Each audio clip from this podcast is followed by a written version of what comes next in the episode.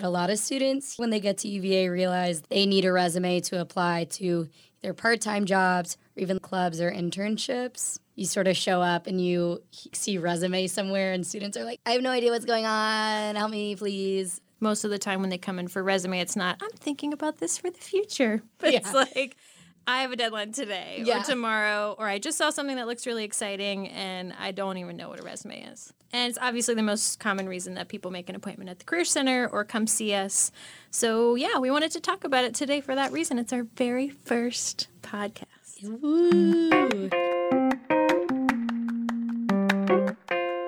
I'm your host, Jesse, and I'm a career peer educator and a UVA student.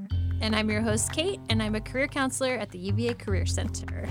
You're listening to Work in Progress, a podcast that helps you understand and navigate the world of work. Work in Progress is a podcast that belongs to the Teej FM network. That's T E E J dot FM. Tune in and subscribe on Apple Podcasts, Spotify, and on the UVA Career Center website. For more resources, follow the UVA Career Center on Facebook and Instagram. This week on Work in Progress, we're debunking resume myths. So, as you can imagine, we see all sorts of wild stuff, and we're here to talk about that and help you avoid some common mistakes.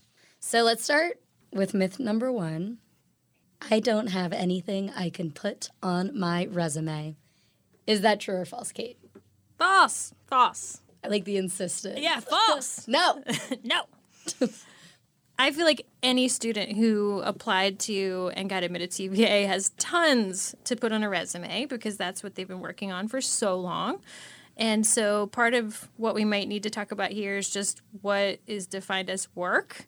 A lot of students haven't really had much work experience, but there are lots of different things that could fall in line with work experience or things that have given you experience that were work, but maybe they didn't pay you.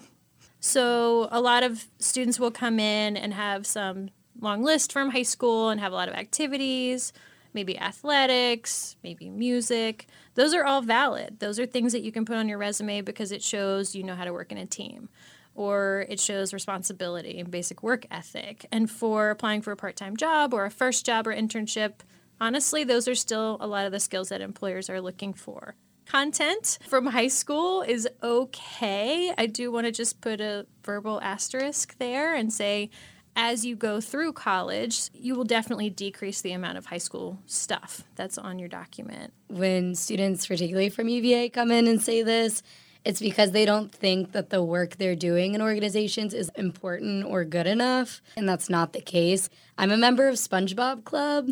On the face of it, it might not seem like much. There's organization involved, there's fundraising involved. Those are all skills you can put on your resume. I guess you were in SpongeBob Club. yeah, I'm in SpongeBob Club. I love it. It's great. Plug for SpongeBob Club. Continuing on with the myths, we have myth number two Lots of students think that everything they've ever done should go on their resume.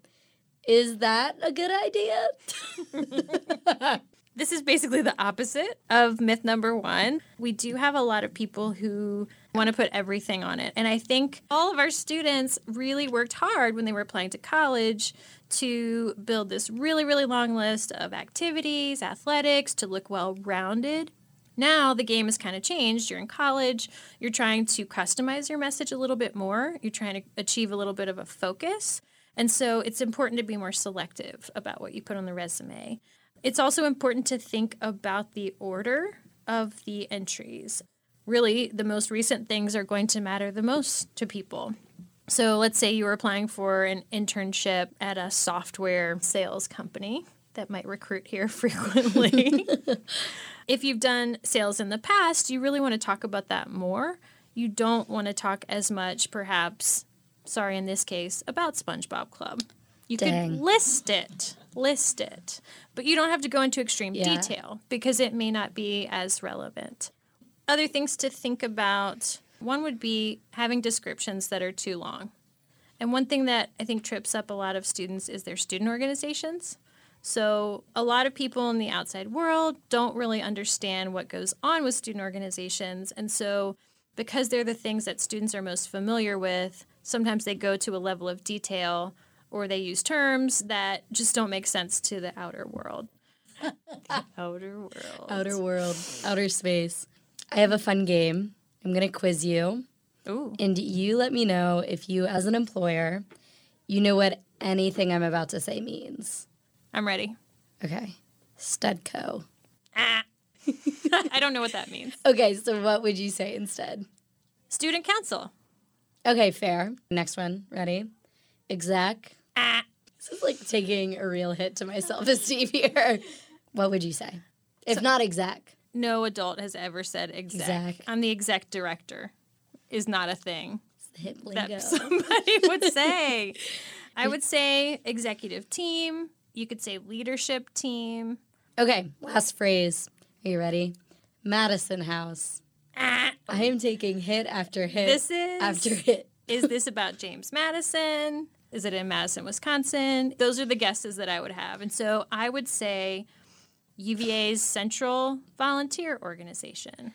Okay. We're not trying to say that these things aren't super important. Everything we're talking about actually would be amazing entries on Oh, a resume. Absolutely. If anybody's doing these things, those are amazing. But if they're spending time Googling Madison House, they're not reading your resume. Yeah. And so that's what we want to avoid. We want to make sure people are getting credit Yes. for the good things that they've done. Absolutely. Well, thank you for explaining all of the myths, debunking them, explaining alternatives and other methods.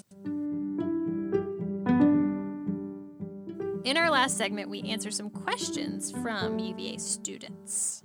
Nick asked, Is there a tool online that will help me fill out a resume? This is a very common question. And one piece of advice that we really like to give for students in particular who are just starting to build a resume is not to use online tools just yet. You're going to be adding so much to your resume in college, and it's a work in progress. It's constantly changing. And we really do think that creating your own version in Microsoft Word if you can just look at some of the examples on our website or come in for some support, we know you can do it. It can be really appealing to use a template, but a lot of those formats actually are very limiting. They don't create a lot of room for what you need to do, which is to explain to the employer in bullets or in descriptions why the things that you have done are relevant to what they want you to do next. The other reason why we don't recommend people using tools or templates is because a lot of larger companies they use software to actually review your resume for keywords, which is a whole other conversation that we can have at the Career Center with you. But the HTML code, the images that are in a lot of those templates can really just mess that up. There is maybe one exception to using a tool online, and that is usajobs.gov. They use a resume builder and they encourage you to use that. It's to help with that screening process you were talking about.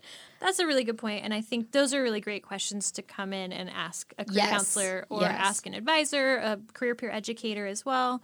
There are definitely exceptions to all of these, and we would love to talk to you about it. Yeah, absolutely. For more information on USA Jobs, go check out the Public Service and Government Community page on the UVA Career Center website, which is career.virginia.edu.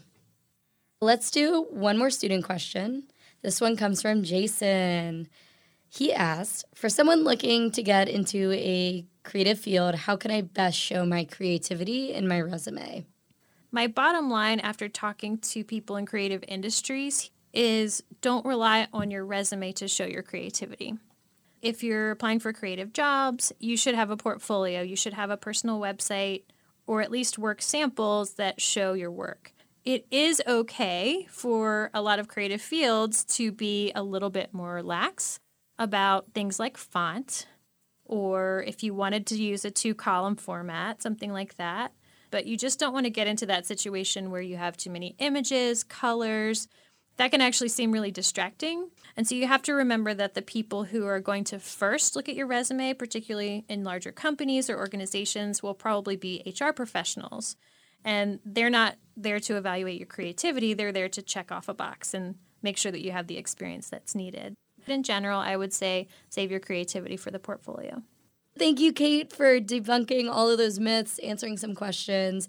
And thanks to our students who submitted questions. Those were very helpful, and I think they really represented a lot of what we see. And we do want to remind everybody that we're here, we're available, and we like to help. You want that affirmation? You're about to get it. All right. People think you can only show up if you have it all figured out. That's another myth, just generally about the Career Center. You don't have to have it all figured out to come in. Like, we will help you wherever you are, whether it's you don't know what's happening to I have a job secured and I'm doing salary negotiations. If you don't have a resume, that's okay. Yes. You could just come in with questions. You could just come in and say, How would I possibly get started? So you don't have to wait until that moment comes when you're stressed out. You actually can come in anytime. Nice, nice, nice. Woo woo! Yeah. we did the thing. We did it!